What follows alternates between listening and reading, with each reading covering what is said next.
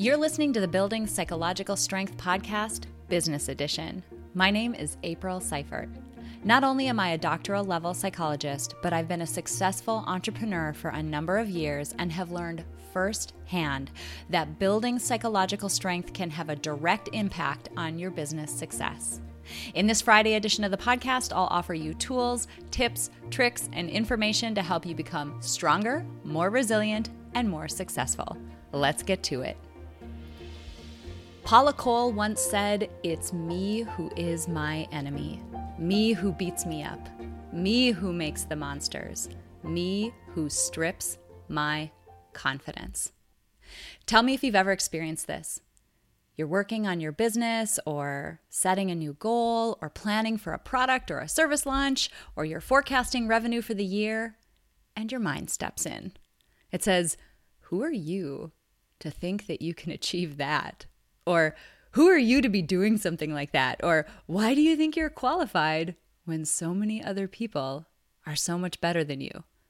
Or people like you don't achieve things like that. Imposter syndrome runs incredibly deep in entrepreneurship. And I would bet my annual revenue that the majority of the entrepreneurs and business people who are listening right now have experienced this on multiple occasions. I mean, let's be honest, for some of us, it's like a weekly or even daily occurrence. And not only that, but when we feel like an imposter, it zaps our confidence. And we tend to set goals that are below our capacity. We make decisions that are safe rather than the ones that are a calculated risk that could move our business forward. Essentially, imposter syndrome sets us up to underperform.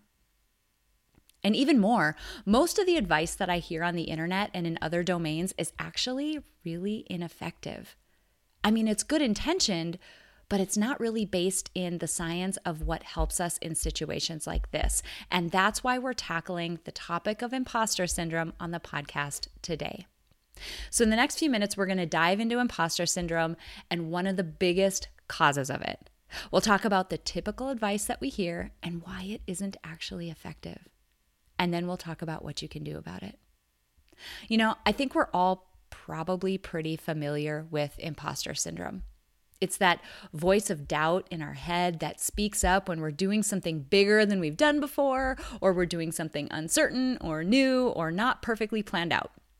It's a voice of warning, and it can feel crushing. So, where does it come from? The thing you need to remember is that our mind's biggest goal is to keep us safe while expending the least amount of energy possible. And it developed this capability a very, very long time ago when we essentially faced mortal danger on a daily basis. And it performs this little service for us by influencing us to avoid anything that it's not familiar with. Think about it. Back when this instinct of ours was formed, simply drinking out of an unfamiliar watering hole could cause a deadly bacterial infection. Simply venturing into uncharted territory could lead you into the realm of deadly predators. So, uncertainty, unfamiliarity, ambigu- ambiguity, these things were deadly. Now, the thing is, evolution takes a long time. That part of our mind, the limbic brain, is still basically operating on the same software it installed 150 million years ago when the world was a very different place. So you can kind of understand that in the context of the world today, our mind sort of overreacts when it comes to new and uncertain and ambiguous things. So let's bring it back to business. The fact of the matter is that in business, you'll do new, uncertain, and ambiguous things daily. And as soon as you get comfortable and familiar with one process or action in your business, a new challenge or goal will come up and it'll require you to do new, uncertain, or ambiguous things. That's just the name of the game. And our minds, in an attempt to be helpful and keep us safe, get very loud to try to dissuade us from doing the new, uncertain thing. For many of us, it's the trick it's learned to keep in, keep us in line is to drum up self-doubt by way of this imposter syndrome. Now, most of the advice you get in other places involves giving you new ways to think about your role. For example, I'll hear people with great intentions. People will say, you just have to remember that everyone who ever did something new felt this way. They felt just like you. Or the world needs you and your unique special talents. Now, all of this is true, absolutely true. And it likely helps you feel like you're not alone in it. But it likely isn't all that helpful in helping you cope with imposter syndrome because, get ready for it, your mind doesn't learn, grow, and change by thinking. It seems contradictory, but you can't think your way out of a mindset problem. That's not how it works. Our thoughts, our feelings, and our behaviors operate on a powerful feedback loop, and it's our behaviors, not our thoughts, that begin to chip away at the anxiety and the fear that the imposter syndrome causes. So let's walk through an example. Let's go back to that watering hole I talked about before. There's really no way to show your mind that the water in that watering hole is safe just by thinking about it. You can't prove to your mind that there's no bacteria in that water just by sitting there staring at it and thinking about it. The fastest way albeit in this context a bit risky, but the fastest way to show your mind that the watering hole is safe is to drink out of it and not die. Now, similarly, the only way to prove to our imposter syndrome mind that this new goal or this new action we're going to take is, in fact, not going to kill us is to take the action. To use behavior to show our mind that we're going to be safe to build familiarity in a new domain. It sounds so simple, right? But sometimes simple things are not easy. And this is one of those times. It's not easy because while we're attempting to do the behavior or take the action, our minds will get so loud and try to dissuade us from acting. Now, this is where a second core principle of the mind comes in. So, the first principle is keep you alive while expending the least amount of energy possible. Here's the second one those automatic thoughts, those imposter syndrome thoughts that you experience, those are generated by your limbic system, which means you did not generate them. Those thoughts are not you. Those thoughts actually have very little to do with you or the reality of the context you're in. They're simply your old mind running a habit loop it learned over 150 million years ago. In contrast, you are the deliberate part of your mind, the thoughtful part, the voice of reason, logic, calm, centeredness, the true entrepreneur asset. You do not have to engage with the thoughts that your limbic system sends you. You can simply acknowledge them and move on. Now, the best way that I've learned to do this, it sounds crazy, but to actually have a conversation with that part of my mind. When you think about it, that part of your mind is actually a very caring part.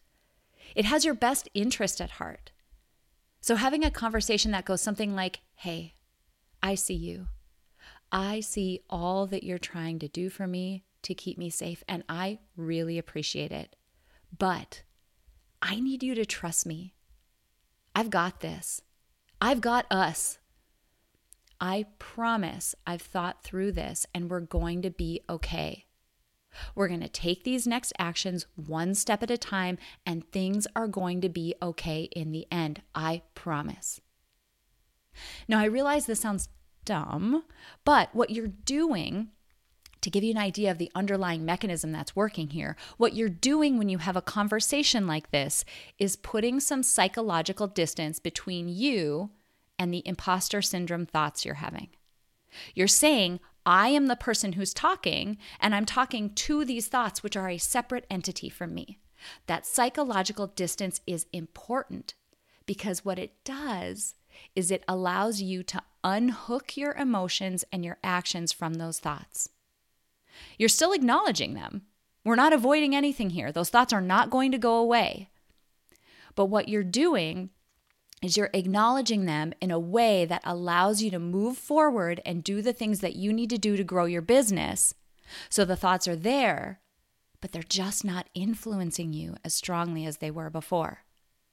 This takes practice, but the more you do it, the more you will easily be able to recognize when these automatic thoughts are happening and cause intentionally cause some distance between you and them so that you can unhook from those thoughts and move forward in a way that you need to in order to grow your business.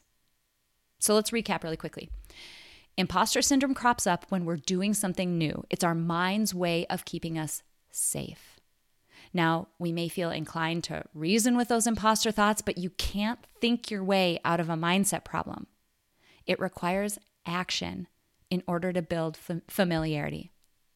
Now, you can help yourself take action by using a compassionate conversation to establish you, the entrepreneur asset, as a separate entity from your imposter thoughts and unhook your emotions from them so that you can move forward with more intention. Now, truthfully, this is a big topic and we have only scratched the surface of it, but I know we'll end up covering it again in the future. But for now, I want you to try this out because it is so common for people who are in entrepreneurship roles. Entrepreneurship and business are going to require taking daily actions that are new and ambiguous, and I know that you can do it. Thank you so much for joining me for this business edition of the Building Psych Strength podcast. If you're an entrepreneur, current or aspiring, and you're interested in becoming more successful, hit the subscribe button. If you're really interested in digging deep, visit aprilseifert.com where you can book a discovery call to see if Psych Strength business success coaching is right for you. And until next week, be strong, be resilient, and be successful.